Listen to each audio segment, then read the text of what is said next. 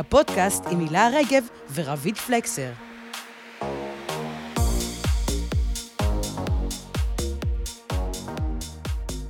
אני חושבת שאישה בעיקר שסובלת מהשמנה היא די אה, בצללים, בצדדים.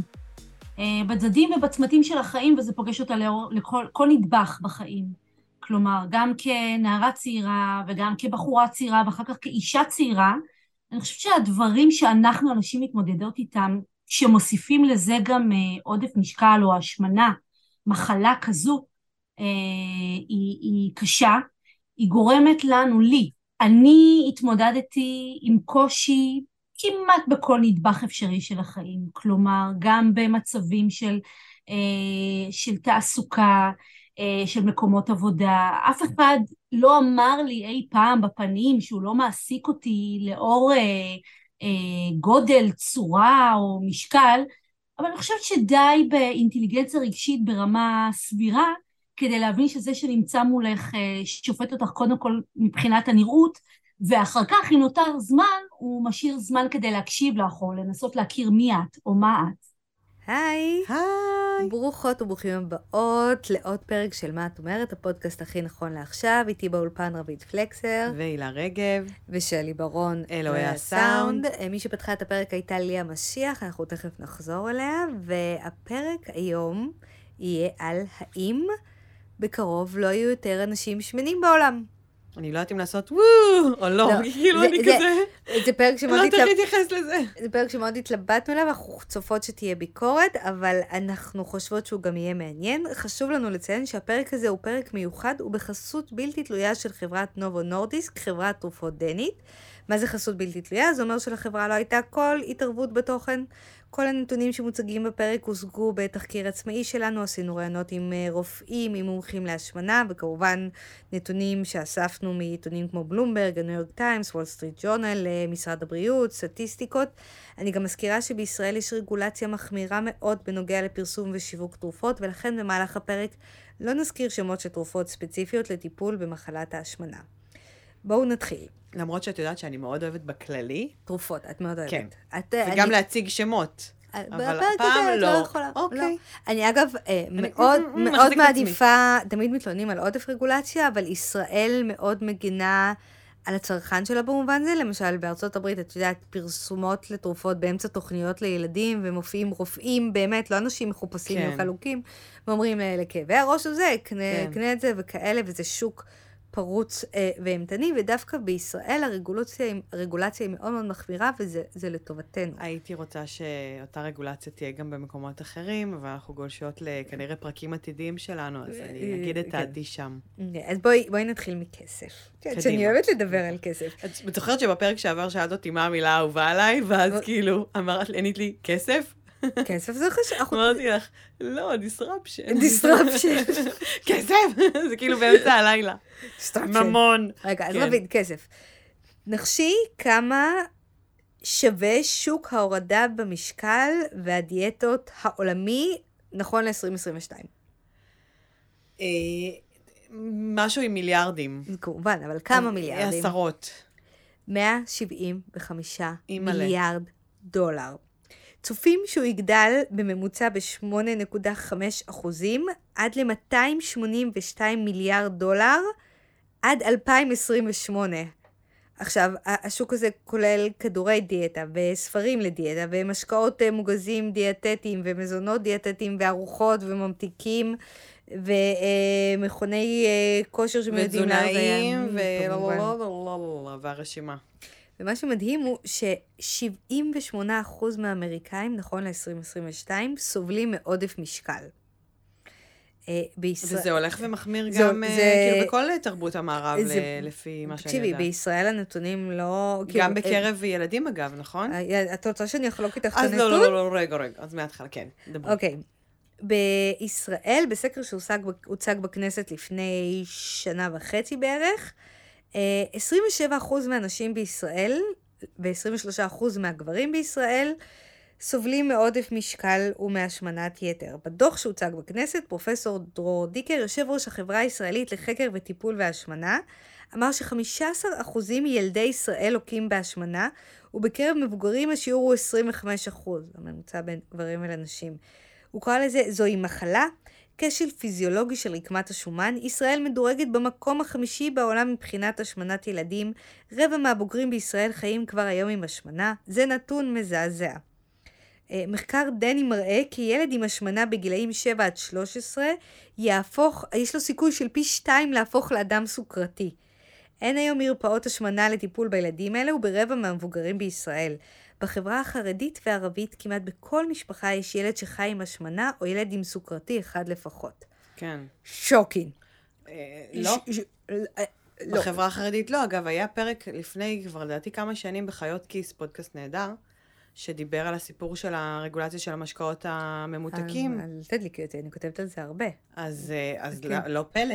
נכון. דברים שהם כאלה, הם עולים מעט, הם מזינים, לא בדברים טובים, אבל משפחות מרובות, שהן קיימות בשתי הסוגי חברות הללו. ועל תזונה, אורח חיים ישבני, תזונה כן. גרועה, סוכר מעובד, אני תזונה בטוחה זולה. שהמסכים לא... אנחנו- או היעדר פעילות גופנית. אנחנו נתייחס לכל זה, אבל כל מה שאני רוצה שתזכרי מהפתיח הזה, זה קודם כל את 170 המספר. מיליארד. 175 מיליארד דולר, וגם. אה, שפרופסור אה, דרור דיקר, שציטטתי אותו פה, שהוא מתייחס ל, אה, לשינוי בחשיבה. כלומר, שיש אה, חיים היום עם השמנה, זה כבר לא אנשים שמנים, זה כבר גם הביטוי השתנה, וגם שיש מרפאות מיוחדות לטיפול בהשמנה, כל זה מאוד מאוד חשוב, כי אנחנו נזכור בפרק הזה אה, את היחס אה, לאנשים שמנים ואנשים אוביס לאורך ההיסטוריה, ואת השינוי שקרה בשנים האחרונות, ואיך זה גם מעורר חברות תרופות לייצר פתרון. אז עכשיו אני בעצם רוצה לקחת אותך אחורה בזמן. אוקיי. במנהרת הזמן. כן. מי שמכיר את המונח, כי היינו... כן. אה, יוון העתיקה. יוון העתיקה, יאסו, in יוון, we love Greece. אני הייתי. חייבת. האמינו שגוף בריא אה, זה בנפש בריאה. התייחסו לשומן כחוסר איזון נפשי. אנשים עשו קשר, אנשים עשירים, הסולטה וההשמנה של אה, יוון העתיקה, היו מבלים שמונה שעות ב- הסלטה באימון- והלא שמונה. שמונה. תקשיבי, כן. השירי האצולה היוונית לצורך העניין, כל הזמן הפנוי שלהם, שמונה שעות ביום, הם היו עושים אימונים באולם ההתעמלות ב gymnastic, ערומים. אה, היפוקרטס, רופא יווני, אמר שאנשים שמנים סבלו משינה לא בריאה, מכאבים, מגזים ועצירות. כל מי שראה אי פעם פסלים מהתקופה של יוון העתיקה, ראה איך כמה איך הם מדגישים את העניין של שרירים. בדיוק, מסוטט, זה, זה, זה איברים היה... אחרים אמנם היו פחות מודגשים, לטובה. תקשיבי, אני חושבת שכולנו תמיד מגלות שיש הבדל בין התמונה למציאות. אני תמיד בוחרת שאני רואה פסל יווני להגיד, אוקיי, כנראה אנחנו על ההפחתה. לא, עיקרון ההפחתה. אבל איך אנחנו גולשות תמיד ל... נושאים כיפים שכאלו. לתוכן? אוקיי, אה, אני ממשיכה. במאות הראשונות, אה, נוצרים רבים האמינו שהגוף הפיזי הוא אויב הנשמה, ולכן מה שהם היו עושים, הם היו מרהיבים את עצמם, נכנסים לצומות עמוקים, ואז הם היו מתחילים להיכנס אה, להזיות, קראו לזה אנורקסיה מירבליס, אנורקסיה בדיוק קדושה. רציתי להגיד לך שכאילו, אני לא מאמינה שהפרעות אכילה הן בנות כל כך הרבה שנים, חשבתי שזה כאילו המצאה של קייט מוס. נזירים וכמרים היו אה, מרהיבים, מרהיבים, מרהיבים את עצמם, זה נחשב סוג של מדרגה רוחנית מאוד מאוד גבוהה, ואז ברעב, אני חולמת על פיצה שאני רעבה, הם חלמו על אלוהים, וככה הם הצליחו אה, לקבץ דרכם בסביבת מאמינים. בשנת... אימא'לה, כולם פסיכופטים. חכי, בשנת 600 הספירה, האפיפיור גרגוריוס הגדיר גרגרנות כחטא. אכילה פראית. כשמו כן הוא. אם אתה שמן, אתה אדם לא רוחני. ב-1066, וויליאם הכובש לא הצליח לעלות על הסוס שלו מרוב שומן. הוא נפל על הראש מהשומן שלו, והעמיד פנים שהוא מנשק את האדמה בשמחה, כי, כי הוא כבר על הוא היה הרצפה. מובך כאילו? כן, הוא היה ממש מובך, הוא היה על הרצפה, מה זה הנתונים האלה? מי סיפר לך את זה? יש הכל באינטרנט. ואז הוא החליט זה היה לפתוח, אייטם של סוויסה. הוא החליט לפתוח בדיאטה ועבר לדיאטה נוזלית של אלכוהול, ואז הוא עלה שוב על הסוס זה שלו. קרה לי גם בפרידה הראשונה שלי. תקשיבי, לא הסוף. הסוף של וויליאם הכובש, הדיאטה שלו לא הצליחה, הוא עדיין היה מאוד מאוד שמן, הדיאטה שלו לא אז הוא עזרה. כנראה לא היה כזה קובע. הוא, כשהוא עלה לסוס, נקרעו לו המעיים. די, הילה. טוב, טוב, אוקיי, אוקיי, זה אוקיי. מה קרה ב-1500? יאללה, תולדות האומנות. כן. הרנסאנס. אה, אה, אהבו שמנים באיזושהי תקופה. בדיוק. שם. אה, זה כאילו נשים שופעות ונחמדות, כן. אבל עם הנרי הש... הפיסות בד המתנוססות ברוח. אבל מי שהיה גיבור התקופה, הנרי השמיני, היה עצום, והוא בעצם היה בדיחה, הוא היה סוג של כאילו סימן למבוכה. הנרי so fat that his mother Mm. וכאלה אה, וכאלה. אה, נשות הרנסאנס לא עשו דיאטה, כי היה פתאום קצת אוכל ושפע, אבל הם לבשו מכוחים. והרבה מאוד נשים שניסו ליצור לעצמם מראה גוף רזה יותר בעזרת מכוחים מתו, כי המכוך חתך להם את הצלעות, המכוחים היו מ... בטח, וואו, יש איזה? יערה קידר גם כתבה על זה בספר שלה. נכון, יש נכון, כל נכון. תולדות המכוך, מה שנקרא. נכון. 1558, ספר הדיאטה הראשון. אה, הם זיהו ששומן מתקשר לעייפות, לחוסר שליטה, והנזיר שכתב את הספר הזה הגביל את עצמו זה הנזיר שמכר את הפרארי שלו. ל-12 או יותר אונקיות. נכון, הוא קנה פרארי בגלל זה, בגלל הספר, ואז הוא מכר אותה. את יודעת איך קראו לספר? ספר אומנות החיים הארוכים.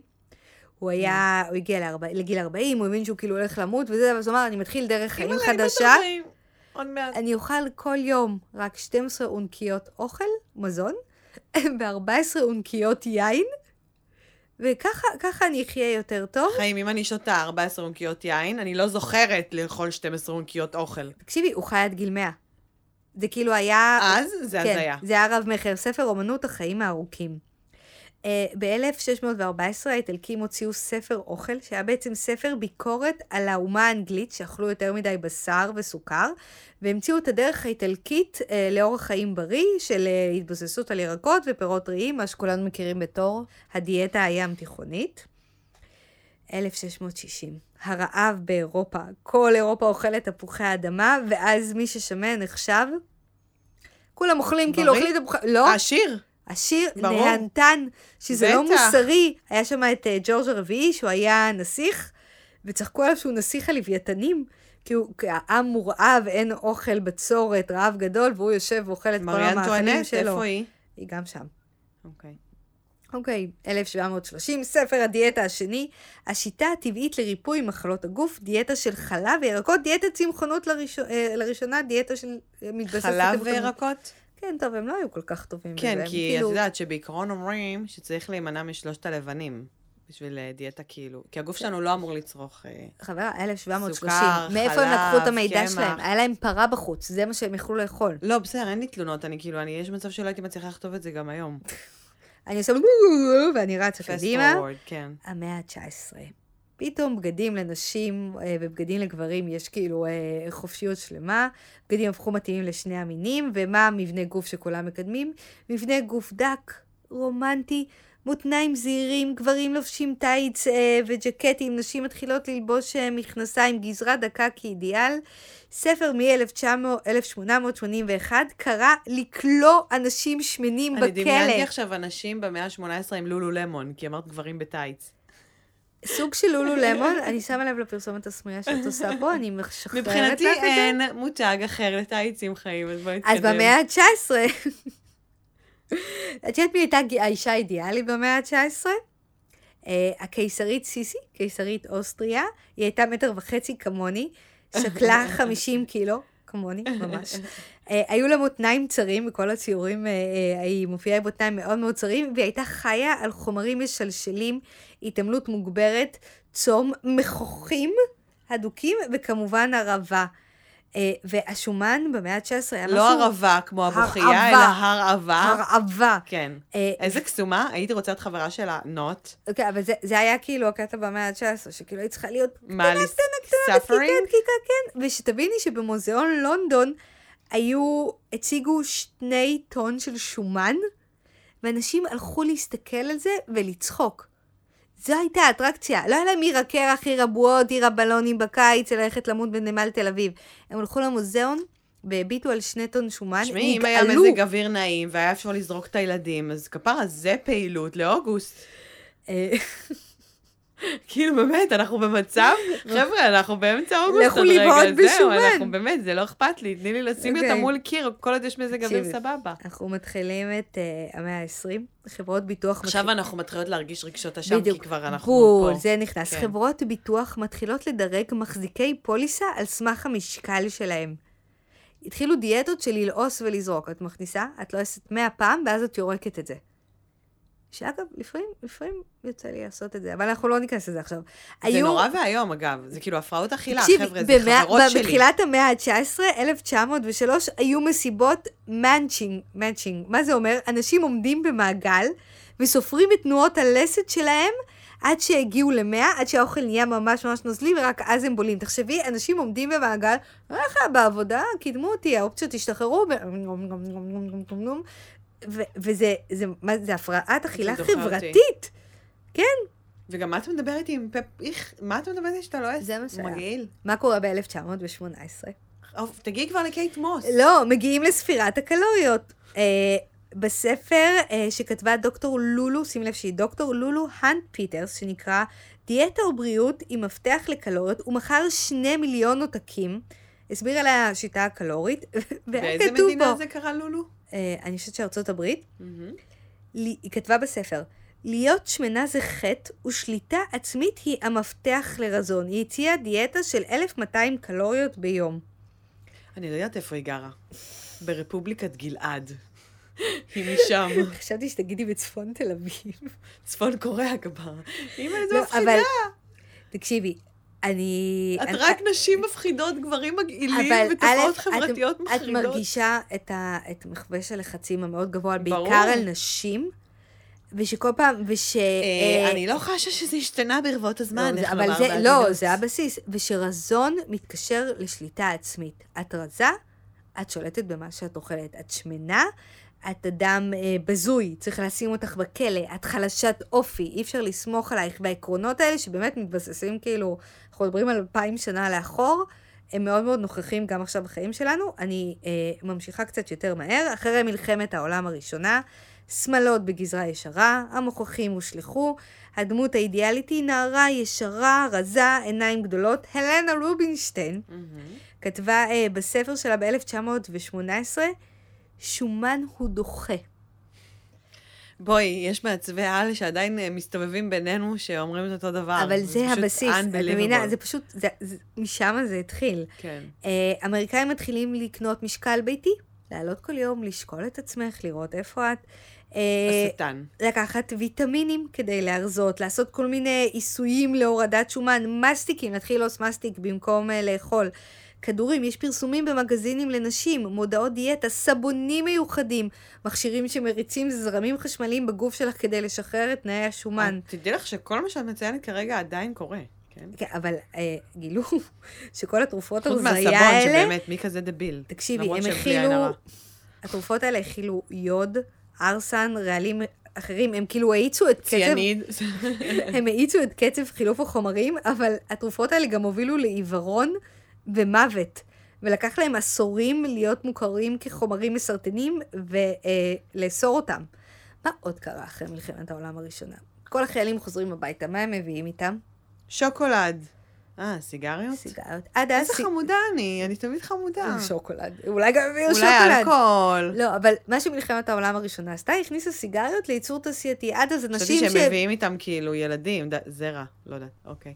אנחנו נדבר על זה אחר כך, אני כל הזמן חשה שאת דוחפת לא, כי baby boom תמיד אחרי מלחמות. נכון, אבל חיילים חוזרים פעם, אה, סיגריות היה אה, מנהג חברתי, קרונות עישון לגברים, מועדוני. עישון, אתה יושב, אתה מאבק את ה... אה, ממלא את המקטרת, מעשן וכאלה. עכשיו יש סיגריות בקופסה.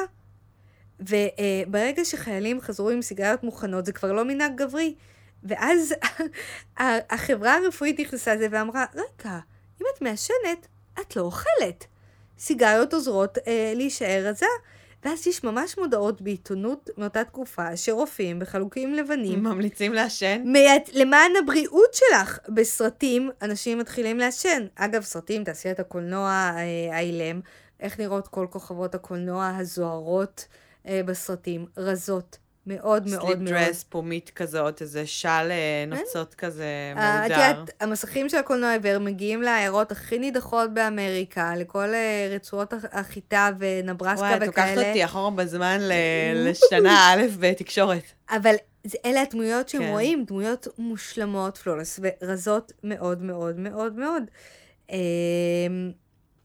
ב-1926 יצא ספר שאומר, להיות שמן זה פינוק עצמי, תאוות בצע וזלזול. ואז דברים ממש מתחילים ואז להסתבך. כאילו בארץ טוקבקים. מה אכפת לכם לפרגן? למה אתם צרי עין? למה אתם מדברים עליו ככה, נכון? לא היה אז. אה, התחילו לצאת דיאטות מיוחדות. אחת הדיאטות שהייתה בשנות ה-20 של המאה הקודמת, דיאטת האינטואיטים, דיאטה של אסקימוסים, שאומרת שהדרך הכי טובה להרזות זה דיאטה עתירת קלוריות של דגים נעים ובשר לוויתן, עם מעט פירות וירקות. למה? כי בקוטב הצפוני יש אסקימוסים רזים, וזה מה שהם אוכלים. להתעלם כאילו ממבנה גנטי, מסביבה, מתורשה. זה הדיאטה שצריך לעשות. סך הכל דגים וירקות נשמע לי הגיוני. כאילו, בשר חוץ לוויתן! מזה, בסדר, איך זה דוחה, אבל כאילו דגים נעים וירקות בכיף, מה, מתני לי סביצ'ה כל היום. עכשיו, אה, כמובן שאיזה סביצ'ה, אני אומרת לך אינטואיטי, אוקיי.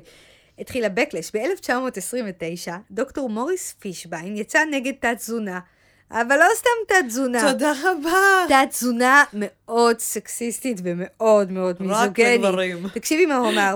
נשים מתת-תזונה אינן מושכות מאוד, והן מאיימות על נורמות גבריות ונשיות. תת-תזונה מעודדת את עליית הלסביות. שומן נשי הכרחי להישרדות חברתית. השטות הזאת היא תוצאה של פמיניזם. תני לזה לשקוע. תני לזה לשקוע. אימא'לה. אני, זה פרק מעצבן, הוא מעצבן אותי הפרק מאוד. זה אבל- גם הפרעות אכילה שאני עצבנית, גם אנשים אנשים אבל לא המצאנו כלום. זה מה שאני מנסה. להגיד, את לא יכולה להתחמק מזה. אוקיי. אה, השפל הגדול אה, בארצות הברית, אנשים כאילו אין להם מה לאכול, ילדים מתים מרעב, אנשים שמנים נתפסו בתקשורת כלא מוסריים וחסרי רגישות. בתקופה הזאת מעל 50 מיליון דולר, על פי האינפלציה של אז, מוציאים מדי שנה על חומרים משלשלים. ב-1930 כל כוכבות הקולנוע כמו אה, ג'ינג'ר, אה, רוג'רס וג'ין הארלו וכל אלה הם בתת משקל. תת משקל אמיתי. אני לא יודעת אם את זוכרת איך קראו לאישה ששיחקה את דורותי? אני מזכירה לך שאני הייתי בשואה. אני יודעת איך תת משקל אמיתי נראה. אבל הם זה היה עשור אחר כך. תקשיבי, כל אה, תקופת האולפנים הגדולים, אה, כל הכוכבות הגדולות, נתנו להם כאילו כל יום הם קיבלו כדורים ממריצים וכדורים משלשלים והיו בתת משקל יואו, איך חמור את מאוד. זוכרת טקסט? אני לא זוכרת כאילו דברים, עכשיו, בלי עין הרע, היום דפקתי אה, חבילת לואקר. כאילו, איך את זוכרת שאת במצב כזה של הגוף טקסטים לשחק? איך את עומדת? אה, כדורים אה, ממריצים. אימא'לה. ממש ממש זה. ואז אם הן רזות ויפות, המעריצים שקוראים את מגזיני הקולנוע ורוצים להבין איך היא כל כך רזה, רוצים ללמוד על הדיאטות שלהם.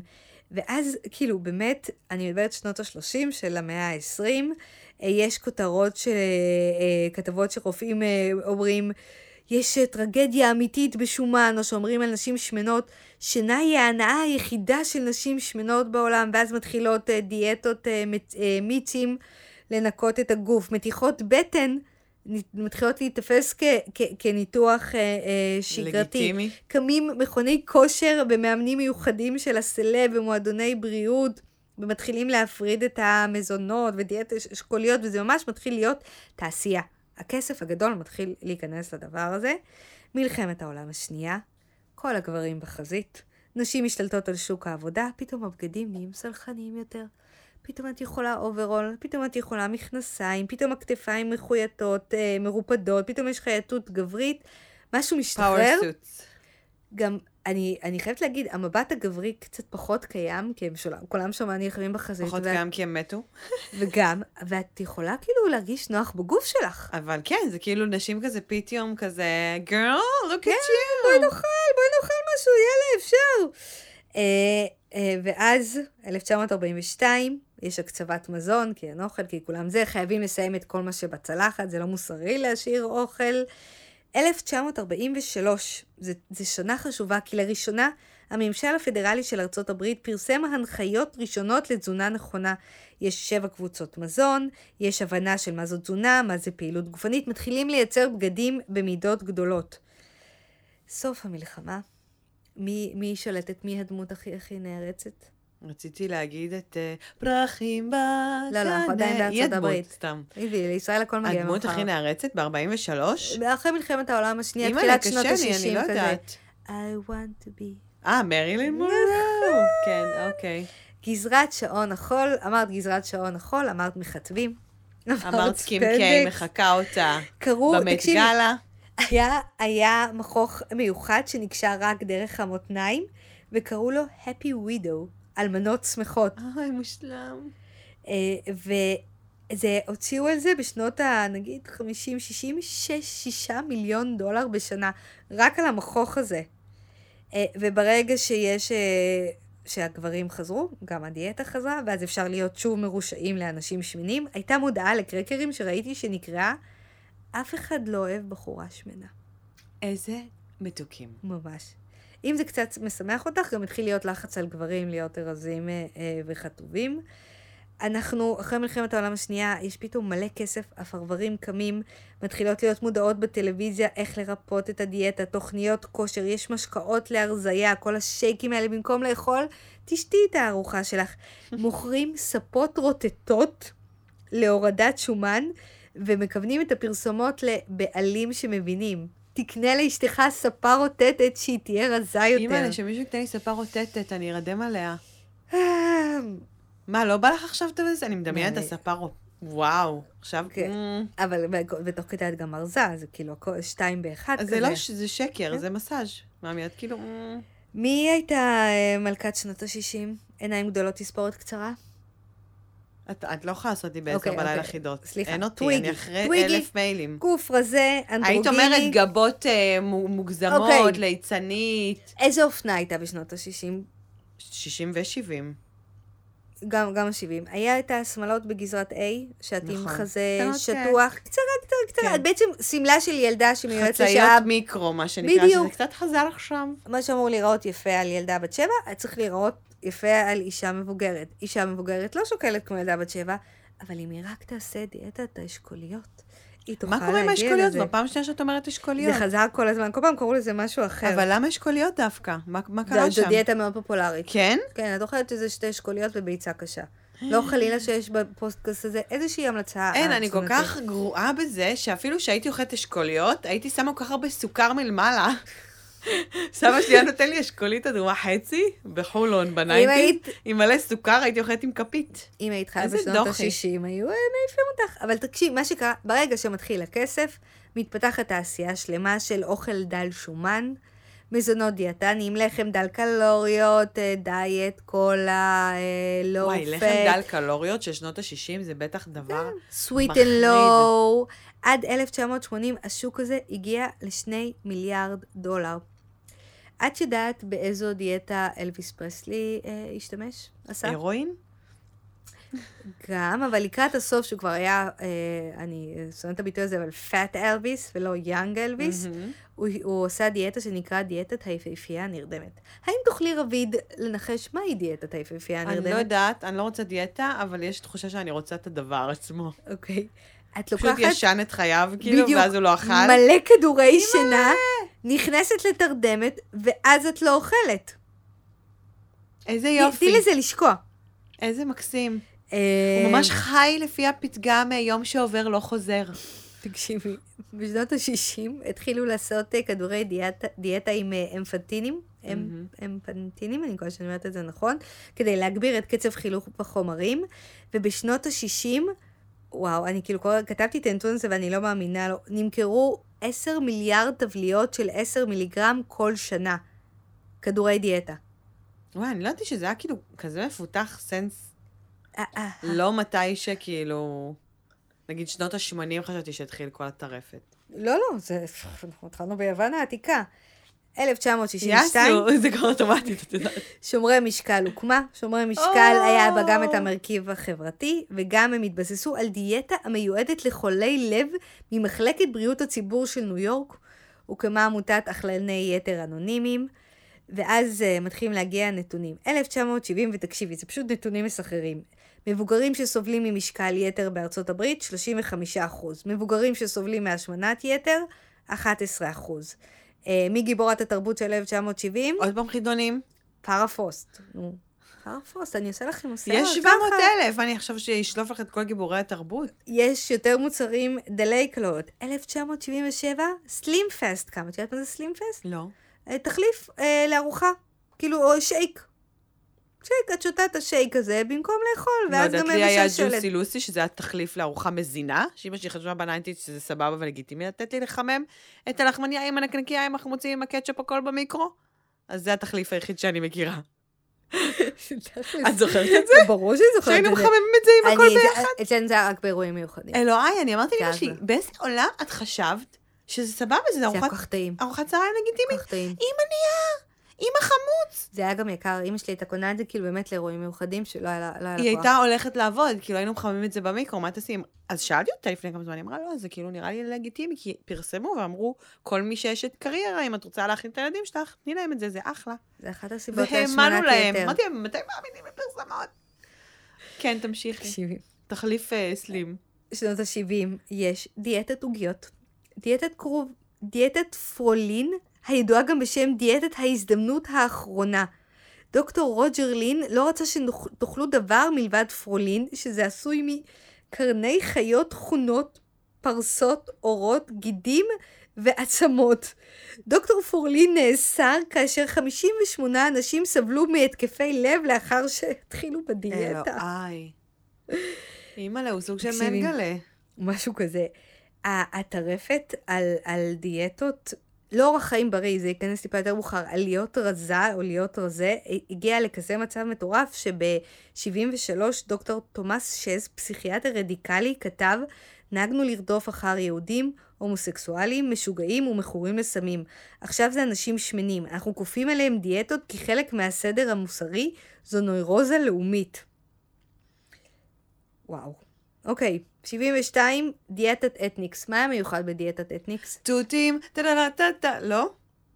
אוקיי, לא. לא, לא, אבל לא. תודי שזה הגיוני לאכול רק תותים. דיאטת אתניקס, היא אמרה, קודם כל יש uh, הגבלה על מה שאתה אוכל, אבל לא על הכמויות, והיא גם התחילה להתייחס לדיאטה כאורח חיים. זה לא משהו שאתה עושה עכשיו חודשיים לפני החתונה של, uh, של בתך ואת רזה, אלא דיאטה זה קטע של, uh, של אורח חיים. את יכולה לאכול רק uh, להוריד פחמימות ולאכול שומן בריא, לאכול חמאה, אבל לא עוגיות ודברים כאלה. אבל זה לא עזר. ב-1980, 17 אחוז מהאמריקאים סבלו ממשקל יתר. ב-1989, 35 אחוז סבלו ממשקל יתר. זה אוביס, זה לא אנשים שמנים, זה אנשים שה-BMI שלהם הוא מעל אה, 30. אני הייתי בארצות הברית, אני יודעת. זה אומר, עכשיו למה זה קורה? אנשים תלויים במכונית ולא הולכים ברגל, חיים בפרברים, אה, אוכלים הרבה יותר בחוץ, אוכלים מנות ענק, שותים הצ'יפסים משקאות. העצומים האלה, הטאפו צ'יפס כן. העצום, שהם יושבים בתוך הטראק שלהם עם הטאפו צ'יפס באוטו, והם נוהגים ואוכלים, אימא'לה, אבל איך רציתי גם. פרסום מזון בטלוויזיה, אורח חיים יושבני, את מבינה? כאילו, אם אנחנו מדלגים ממש לשנים האחרונות של המאה ה-20, התחילו להבין ש, ש, שיש בעיה. כאילו, שיה, ככל שיש יותר מוצרי דיאטה ויותר ניסיונות להרזות, אנשים נהיים יותר ויותר שמנים. התחילו להבין למשל שיש קשר בין אה, אורח חיים והתעמלות אה, למשקל, שכל האוכל הדל שומן והדיאטות אה, דלות שומן לא עוזרים. ב-2012, זה באמת הנתון שאני אסיים פה את הסקירה ההיסטורית הזאתי, 36% מהאנשים הם בהשמנת יתר, זו השמנה פי שתיים לעומת 1965. האמריקני הממוצע כבד ב-50 קילו יותר. וואו. Uh, היום ילדים אמריקנים שמנים פי שלוש יותר מאשר ב-1980. עכשיו, ה- ה- אנחנו נדלג על שנות ה-90 והאנורקסיה וקייט מוס וכל הדברים האלה, ונגיע למצב שאנחנו נמצאים בו היום, ולשנה מאוד מאוד חשובה. ב-2013, אחרי אלפי שנים של דיאטות והתייחסות לשומן כמוקצה, והבנה שכל השיפורים וכל התרופות והדיאטות הזה לא עוזרות, כי אנשים רק ממשיכים להשמין, ממשיכים להשמין עוד יותר, האיגוד הרפואי האמריקאי הכיר בהשמנת יתר כמחלה. לא כ... אה, רגע, זה דבר טוב או דבר רע? זה דבר מעולה. כי קודם כל, עצם ההכרה בזה שזה מחלה פותח לך המון אפשרויות טיפול חדשות. למשל, מה שזה עשה בארצות אבל הברית... זה לא נתן אין- סטמפה רשמית ל- ל- ל- לשמנופוביה? כאילו, אני מתרחקת רגע מכל הטרלולים שהיו כאילו לפני עשרות ומאות שנים, ואני אפילו לא מתייחסת לזה באמת בעידן שלנו, כי באמת, אתם מפגרים, אבל עכשיו לעשות דבר כזה, אני רוצה כאילו שנדבר קצת על שמנופוביה וכל הסיפור הזה, כי אני מרגישה קצת אי נוחות בכל מה שנוגע אני- ל... לימינו אנו, וההתייחסות להשמנת יתר. אני חושבת, תראי, יש פה משהו, הסקירה ההיסטורית אומרת, אנשים התייחסו, תמיד התייחסו לאנשים שמנים חרא. סליחה. בגלל סיבות אה, דתיות, בגלל זה אתה שמן, סימן שאתה חלש, סימן שאין לך... זה- למעט רו- אה, תקופות מסוימות בהיסטוריה, אבל כן, נגיד שכן, כי- אוקיי. שכאילו, אתה חלש, אין לך אופי, אין לך עוצמות, אתה גם נרפה, לא רוצה לתת לך אחריות, אנחנו גם תכף אה, ניכנס לזה. ואז פתאום באו רופאים ואמרו כאילו, רגע, זה לא... הוא לא אשם. זה לא לא נתון אשמה. ל- ל- להחלטתה. בדיוק, זו מחלה, זה Mhm. כמו לחץ דם, זה כמו סכרת. וזה, אה, השינוי הזה לפני יותר מעשור, התחיל, יצר אדוות זה בעצם אה, שמשפיעות בר עד היום. טיפול, ואז זה גם בר אה, הטבות מסוימות אולי. בדיוק, ואני מאוד מאוד רוצה שנשמע את אה, דוקטור דן אוירו, אה, מומחה לרפואת משפחה ורפואת השמנה, רופא משפחה מרכז, מחוזי ומנהל המרכז לטיפול בהשמנה של מכבי שירותי בריאות במחוז מרכז. מחקרים שנעשו כבר לפני כמה עשרות שנים, אה, שבעבר ה- ה- הפרדיגמה, הדעה הייתה שבאמת צריך לעשות אה, איזושהי דיאטה משמעותית, לאכול פחות, לזוז יותר, ו- וככה נטפל בהשמנה שלא ראו בה אז כל כך כמחלה. היום, לעומת זאת, אנחנו יודעים שהסטינג הזה של המשקל גוף, של ה-BMI, יש לו המון המון אה, רכיבים ובסיס גנטי ופיזיולוגי, ולא קשור לכוח רצון של המטופלת או של המטופל. ברור שצריך פה את ההירתמות שלנו כמטופלים אה, כדי לעשות את השינוי, כדי להתמיד, כדי לשנות, כדי לקחת טיפול, אה, כדי ללכת לרופא, כדי לדבר עם הרופאה, אה, ללכת לדיאטנית. צריך פה באמת את ה, גם את הרצון שלנו, אבל כשמגיעים אליי מטופלים, הרבה פעמים הם באים והם כבר חווים איזושהי תחושת כישלון וכעס עצמי, כי הם לא הצליחו. רובם כבר ניסו, ניסו דיאטות, אה, ניסו כל מיני דברים, ופשוט לא הצליחו.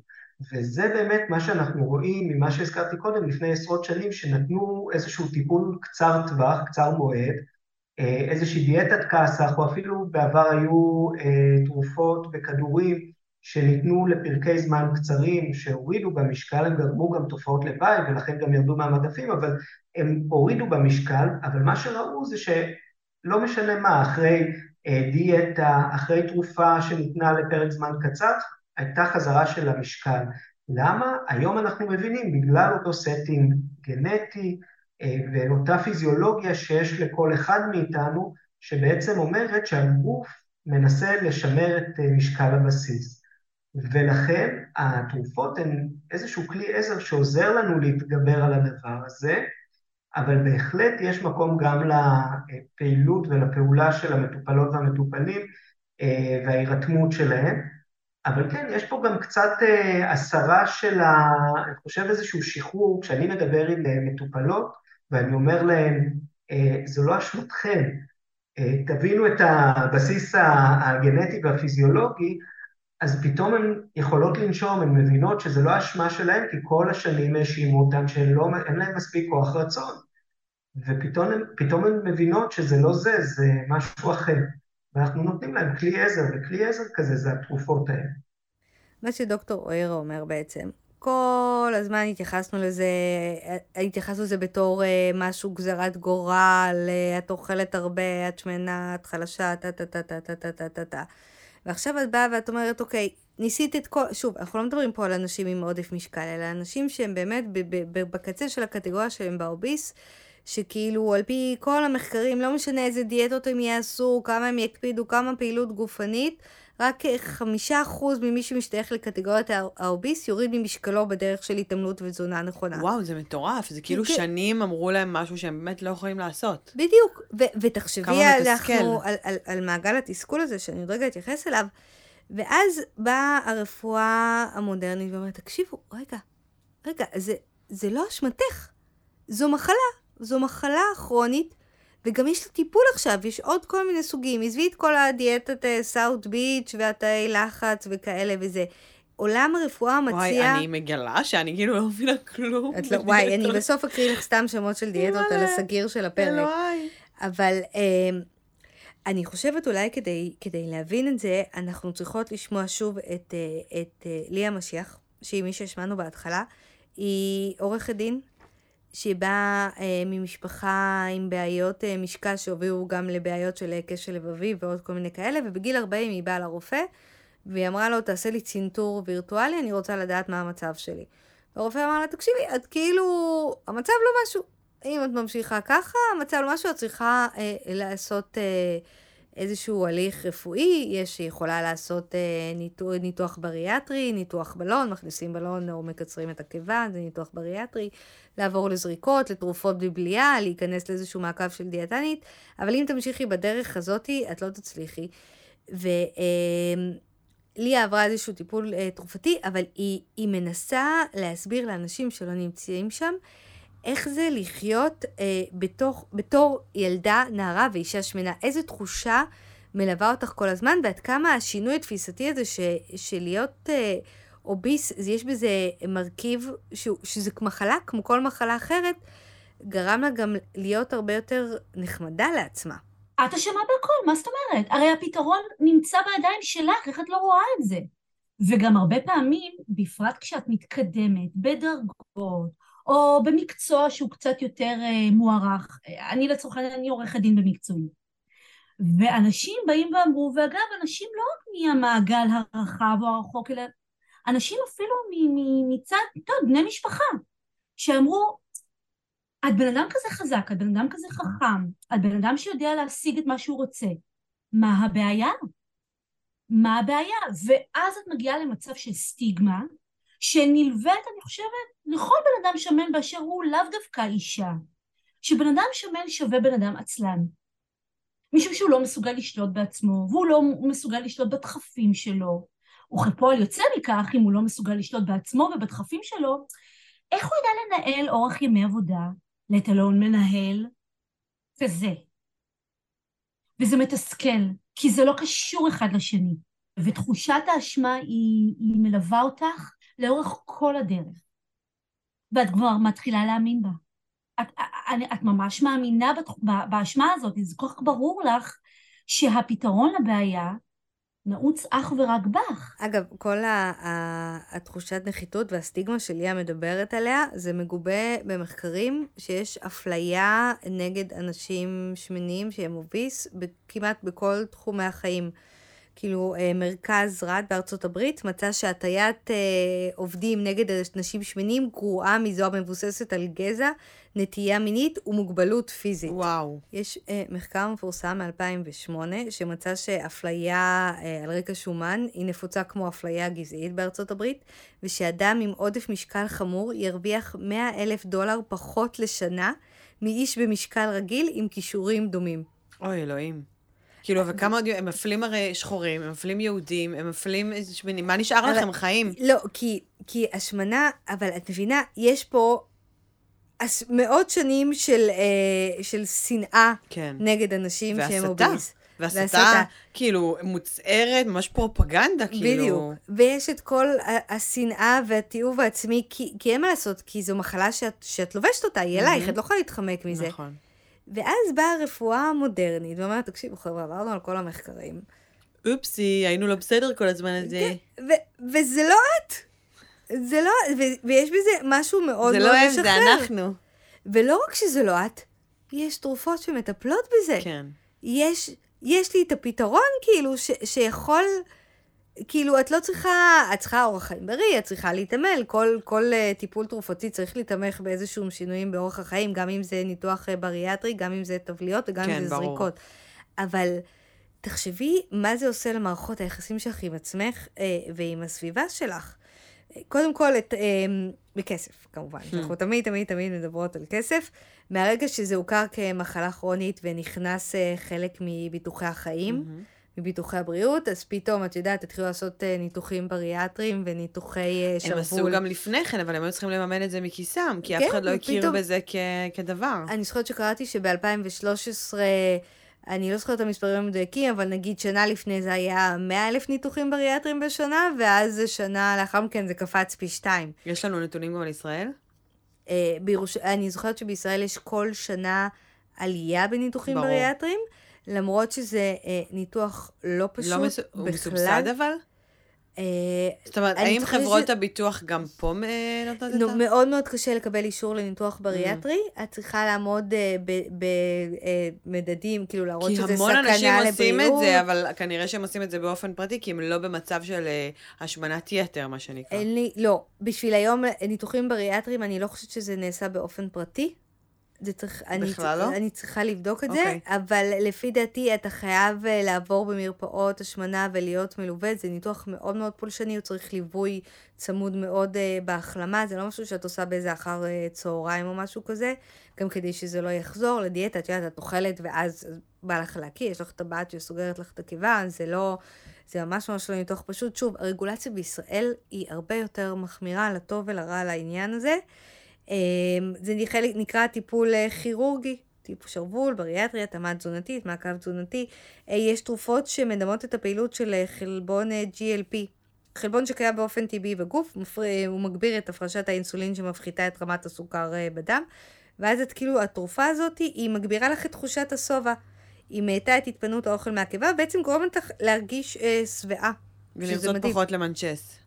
כן, זה, האמת היא שיש... אה, יואו, אני חייבת את זה רק בלילה, בלילה ב-12, שבא לי לראות חתונמי, רק אז. לא, לא, את יודעת שיש אה, שימוש של אביוז בתרופות האלה, של אנשים שהם בעודף משקל, או רזים מאוד, או פשוט אה, אנשים בהוליווד, כן. שהתחילו לקחת את התרופות האלה, שבעצם להנאתם. חוסמות לך את תחושת הרעב. וואו, ו- אני ממש מופתעת. ברור, ברור. זה, אבל זה כאילו. נורא, זו לא תרופה שמיועדת לזה בכלל. רוב אוי אוי אוי, כאילו, מה, את- מה, את מופתעת מהזוועות שמתחוללות בחוץ שאנשים עושים בשביל לרזות? אני אגיד לך עוד שבתחקיר שגיליתי, שבארצות הברית, בגלל שהעניין כל כך פרוץ, את יכולה, התרופות האלה, אפשר להשיג אותן בשוק השחור, אני עושה פה מירכאות באוויר, לא רואים, בצורה כל כך פשוטה, שאת מתקשרת לאיזה קו חם, או כותבת באתר אינטרנט של רופא. בסדר, אבל גם פה יש לך טלגרם, יש פה דארקנט, יש פה אבל מלא דברים. רופאים רושמים את זה. רופאים יכולים לרשום את וואי, התרופה הזאת. הילה, אני חש- את כאילו יותר תמימה ממני. בתרופות שמקבלים בטלגרם? כן. בכל העולם הזה, בואי, את יכולה להשיג הכל, הכל. מבשר לוויתנים ועד לא אה. רימונים מתפוצצים. אני לא רוצה, לדעת, אנחנו לא, אין לנו ייעוץ משפטי לפודקאסט הזה, רבי, תשתקי.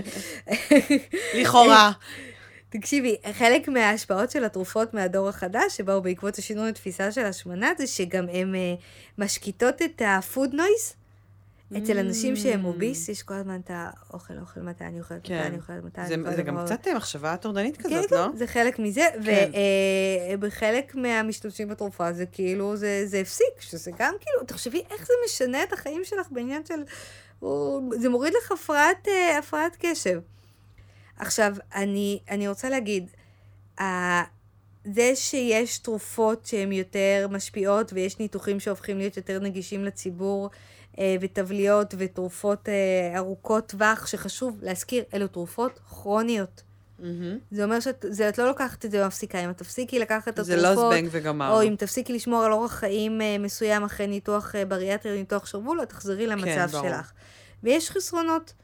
קודם כל, אה, ניתוח בריאטרי זה, זה ניתוח כואב, החלמה קשה, כואבת, זה תמיד פתרון סף אחרון. צריך להגיע למשקל מאוד ספציפי ולהיות עם בעיות רפואיות מאוד מאוד אה, חריגות, כדי לא לקבל זה, עליו כן? אישור. תזונה מאוד מאוד קפדנית. כל התבליות, זריקות, תרופות במרשם, יש להם חתיכת תופעות לוואי.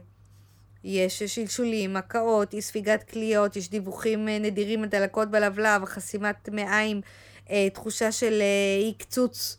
כן, כאילו אבל זה- משהו שהוא אה, כל כך רווח, או שזה, את יודעת, כמו שאומרים לך תמיד שיכול להיות ש... זה קורה, אוקיי. מספיק שזה קורה לך, זה לא כיף. אה, לפעמים, אם זו הרזיה מהירה, חלק מהתרופות האלה, את מורידה אחוזים ניכרים מהמשקל שלך בזמן כן. קצר.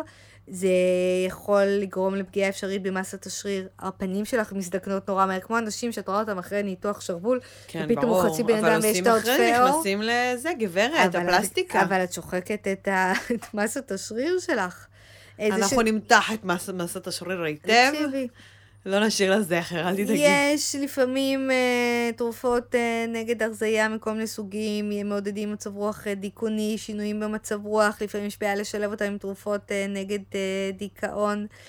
וגם, אה, משהו שהזכרנו בהתחלה, אחרי מסע מאוד מאוד ארוך של בודי פוזיטיב, של לאהוב את עצמך בכל מידה, של ליהנות, פתאום יש פה שינוי מחשבה אה, קצת אחר לגבי אנשים, אה, אנשים שמנים. כאילו, למדתי לקבל את עצמי, למדתי לאהוב את עצמי, להצטלם בביקיני עם כל השומנים, להגיד, אני פה, אני גאה, אני יפה, אני נהדרת. ואז פתאום המשרד הרפואי בא ואומר לי, את חולה, זה נורא, הנה יש לי טיפול מעולה בשבילך ותוכלי להיות אה, בריאה כמוני. אין פה בעצם מסר שאומר, רגע, אולי אנחנו מצמצמים את הנראות של שמנים במרחב הציבורי, אולי אנחנו הופכים את זה לעוד יותר לגיטימי, כל השנאה וההסתה של השמנים עכשיו, אנחנו בעצם כאילו יש קו דק בין לחבק אנשים שמנים ולקבל אותם כמו שהם, לבין להגיד, אוקיי, עברת את ה fine line הזה, עכשיו אתה כבר מוגדר בהשמנת יתר, כ obese, ולכן אתה חולה, וזה משהו שצריך למגר אותו. בדיוק. ופה ה fine line הזה, אני מרגישה איתו אי נוחות. אוקיי, אז אני מוסיפה לך עוד שכבה. זה, אה, בואי נדבר על ה... שכבת שומן? על, על, על, על השמן הבריא. כן. אני, אה, יצא לי לראיין ולדבר עם המון המון נשים אה, שאולי הן לא אוביס, אבל הן מתקרבות על זה ואומרות... אנחנו עשינו על זה פרק. נכון, הבדיקות דם שלי, אש. אני בכושר הרבה יותר ממך, אני עושה יוגה, אני אוכלת בריא, זה הגוף שלי. ואני מדהימה. ושאלתי את אה, דוקטור אוירו, אמרתי לו, תקשיב, יש פה כאילו, בוא, בוא נחשוב רגע, התקדמנו כל כך קדימה, פתאום אתה בא ואומר לה, רגע, כל הבדיקות דם וכל הזה, את בעצם חולה? אז קודם כל אני חושב שזה דבר חשוב ונהדר, המקום הזה של הביטחון העצמי הוא חשוב, הוא חשוב בטיפול, הוא חשוב בחיים, והמקום של הקבלה העצמית הוא מאוד מאוד חשוב, ואני מאוד מאוד מעריך את זה, ואני חושב שרוב הרופאים שמטפלים בהשמנה מבינים את זה. עם זאת, צריך לזכור שהשמנה היא, היא מחלה, אבל היא גורם סיכון למחלות אחרות, כמו שהזכרתי קודם. ואותה בחורה שבאה ואומרת, הנה, אני ב-MI גבוה, אבל מרגישה נפלא, בדיקות הדם שלי תקינות, היא למעשה מה שאנחנו קוראים, היא סובלת מ-metabolically healthy obesity. זאת אומרת, היא סובלת מהשמנה, אבל מבחינה מטאבולית, מבחינת התסמינים המטאבוליים או המחלות המטאבוליות היא תקינה, זאת אומרת הסוכר בסדר, הכולסטרול בסדר, אין לחץ דם, אז המצב הבריאותי שלה הוא יותר טוב מכאלו שיש להם מחלה מטאבולית, אבל מחקרים כן מראים שלאורך זמן בכל זאת הסיכון של אותה בחורה יהיה גבוה יותר לחלות במחלות לב וכלי דם, אה, סיכון גבוה יותר לחלות בסוכרת, ואפילו סיכון גבוה יותר לתמותה אה, מכל סיבה שהיא, או מסיבה קרדיו-וסקולרית, כלומר ממחלות לב וכלי דם. אז אני כרופא חושב שמחובתי לדבר ולשוחח עם המטופלת הזאת על המצב, להבהיר לה את הסיכונים, ובסופו של דבר אה, לשמוע אותה ולקבל גם את מה שהיא אומרת ולהכיל את מה שהיא אומרת, וזה בסדר שהיא תגיד לי, אני לא רוצה כרגע טיפול, אבל אני מחובתי המקצועית גם לשוחח איתה על זה בפעם הבאה, או אולי בפעמים הבאות. כמובן שאם השיחה הזאת תעורר בה אמוציות שליליות, אני לא ארצה לייצר איזושהי הרגשה שלילית, וכמובן המטרה שלי שהיא תרגיש טוב. אז זה באמת צריך לעשות המון ברגישות, אבל אה, במקצועיות גם. אוקיי. Okay. יש שינוי תפיסתי? הוא מביא לשינוי צרכני. כולם שמחים, גם חברות התרופות וגם מערכת הבריאות מאוד מאוד אוהבות את זה. יותר קל למנוע השמנה מאשר uh, לטפל בה. כי העלויות של uh, מחלות שנובעות מהשמנת יתר הן אסטרונומיות, אז גם מערכת הבריאות מאוד מודדת פיתוח תרופות ופתרונות, כי גם המדינה רוצה שנהיה בריאים יותר. Uh, ולמה חברות הפארמה הגדולות דוחפות את השינוי הזה? כי זה שוק עם המון המון המון כסף. את זוכרת את המספר שאמרתי בהתחלה על הרזיה? 175 מיליארד דולר. אוקיי. Okay. על פי מורגן סטנלי, הכנסות על תרופות, זריקות, כדורים, תבליות ועוד לטיפול בהשמנה יגדלו פי 400 עד סוף העשור הנוכחי. כלומר, שבע שנים, 400. זה מדהים. קטגוריית השמנת יתר היא הקטגוריה הצומחת ביותר בשוק הפארמה. הסושיאל מדיה, בעיקר טיק טוק, היא, היא מעגל תפוצה אדיר לתרופות האלה ולאפטר שוק שאחריהם. ויש לזה מיליוני אזכורים בסרטונים שונים, ויש גם uh, תרבויות סול... סלב שמאמצים את זה. הצפי הוא שבעשור הקרוב 25% מהאנשים עם השמנת יתר יפנו לטיפול, לעומת 7% עכשיו. כלומר, השינוי mm. הוא כל כך גדול, שהמספרים הם פשוט כאילו מטורפים. מחצית מהאנשים האלה ייקחו תרופה נגד ההשמנה. שוק של מיליארדי דולרים. קחי את ה-175 מיליארד בהתחלה, וכאילו, תשתוללי איתו. אבל נותנים את התרופות האלה גם לאנשים שהם לא by definition השמנת יתר, או שזה לא, פרוץ? בישראל כרגע, אה, התרופות האלה לא בסל הבריאות. מהמם. לא רק שהן לא בסל הבריאות, הן תרופות יקרות. הן תרופות... והן מכוסות על ידי חברות הביטוח? אנחנו לא יודעות. לא, לא, לא. יש וואו. תרופות ספציפיות שמכוסות לטיפול בסוכרת, לא לטיפול, לא לטיפול אבל בהשמנת שוב, יתר. יכול מאוד להיות יכול להיות ש- שיהיה... שאני אינני סובלת מהשמנת יתר, ויש לי איזה משאלה לרזות עוד חמישה קילו, חלילה, אני לא את לא, טוענת יכול, פה את לא לשום יכולה דבר. לקנות את זה באופן חוקי בישראל. הרופא שלי לא ירשום לי את זה? אסור לו. אסור לו. זה רופא, זה, זה תרופה לטיפול ב... ובחוץ לארץ זה חוקים אחרים לגמרי. ב- פחות רגולציה. ככה, אבל כן. כל התבליות, הזריקות, בסדר, כך צריך זה, להיות. אני פשוט אומרת שזה כנראה פחות, יותר פרוץ תראי, שם. זה, זה, האירוניה שזה הופכת להיות תרופה לעשירים, שמי שהכי סובל מאוביס זה דווקא ברור. העניים שיש להם, אין להם יותר. גישה למזון בריא, ברור. לירקות, הם חיים על סירופ סוכר ומזון צ'יקן. אה, מעובד.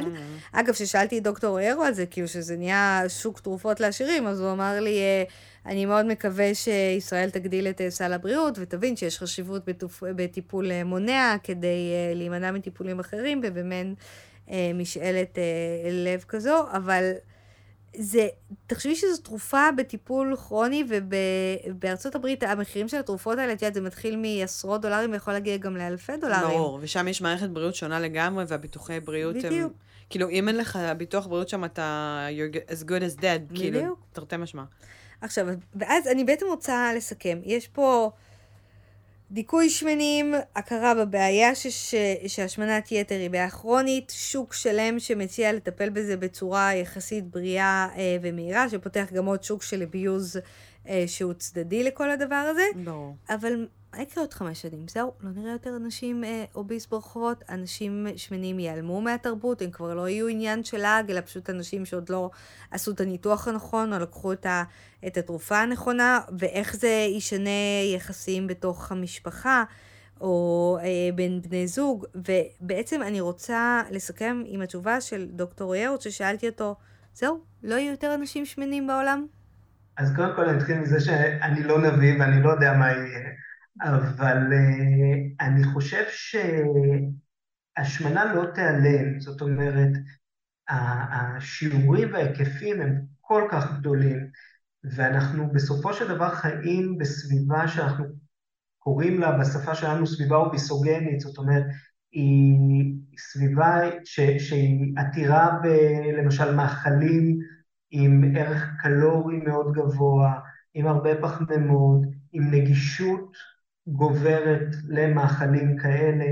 אה, אנחנו רואים את זה בכל העולם המערבי, ואנחנו רואים אפילו אה, במדינות כמו באפריקה, שגם שם יש איזושהי התחלה של עלייה בשיעורי ההשמנה. אז אני לא חושב שהעולם שלנו ישתנה עד כדי כך, אבל אני כן חושב ומקווה שנוכל לטפל ביותר ויותר מטופלים ולאפשר אה, ירידה בשיעורי ההשמנה. וגם אם אנחנו מסתכלים, דרך אגב, על נתונים מישראל, אנחנו יכולים לראות שבעשור האחרון, מעבר לזה שחלה עלייה בשיעורי ההשמנה, אנחנו רואים שאנשים שסובלים מהשמנה סובלים מהשמנה יותר חמורה. אז אולי בעוד חמש שנים אנחנו נוכל לראות איזושהי מגמה הפוכה, שאנחנו אמנם עדיין נראה את האנשים שסובלים מהשמנה, אבל לפחות בהשמנה פחות חמורה, שזה כבר שם אותם במקום בריאותי הרבה יותר טוב. ריד, אני רוצה לסכם את הפרק בעוד, בנתונים שאני, שממש אהבתי למצוא. בשנת 2015, אמזון מכרה למעלה מ-23 אלף ספרי הרזייה, 19 אלף ספרי דיאטה, 31,500 ספרי כושר ו-10,000 ספרי בישול להרזייה. בקטגוריית דיאטת אטקידס לבדה היו 482 ספרים. כיום בין הדיאטות שאת יכולה למצוא דיאטת מזון לתינוקות, דיאטת איש הזאב שמבקשת ממך לצום על פי מחזורי ירח, די. דיאטת צמר גפן, הזרקת אוכל, אה, דיאטת סוג דם, דיאטת DNA, דיאטה על פי סוג מטבולי, ודיאטה שמכון ויצמן המציא שמנתחת את הקקי שלך. אה, שמעתי על זה. על זה שמעתי. נכון ל-2015, 600 מיליון אנשים ברחבי העולם הם בעודף משקל. אני רוצה להודות לדוקטור דן אוירו שסייע רבות אה, בפרק הזה, לעורכת הדין ליה משיח שהתראיינה וסיפרה לנו את הסיפור ושיתפה, האישי שלה. תודה רבה. ושיתפה מאוד. אני רוצה להגיד לכם שאתם יפות ובריאות אה, כמו שאתם. ממש ככה. אה, שאם אתן מרגישות שאתן צריכות אה, ייעוץ רפואי לגבי המצב שלכם, אל תרגישו אשמה, תיגשו, תתייעצו, תבררו, תעשו מה שטוב לכם, תעשו את המחקר שלכם. אה, אין בכל הנאמר בפרק הזה ייעוץ רפואי לעשות... אה, וחבל, כן, אבל אנחנו... כי אז היינו מקבלות יותר כסף לשעה. אבל אנחנו לא. אה, אני רוצה אה, להודות לחברת אה, נובו נורדיסק, שנתן לנו חסות לפרק הזה, לרבית פלקסר שהייתי באולפן. ולהילה רגב, התחקירנית הגדולה ביותר במדינת ישראל. ולשלי וכמובן, ברון. שלי ברון, אלוהי הסאונד. תודה רבה שהאזנתן והאזנתם לנו. אנא, דרגו את הפרק הזה, הפיצו ושילחו אותו לחבריכם וחבריכן. בואו לדבר איתנו בקבוצת הפייסבוק שלנו, מה את אומרת? ו... אה, בריאות. בריאות. ושמחה. הכי חשוב. בלי סבל, רק אושר. כן, תודה רבה. ביי ביי. ביי.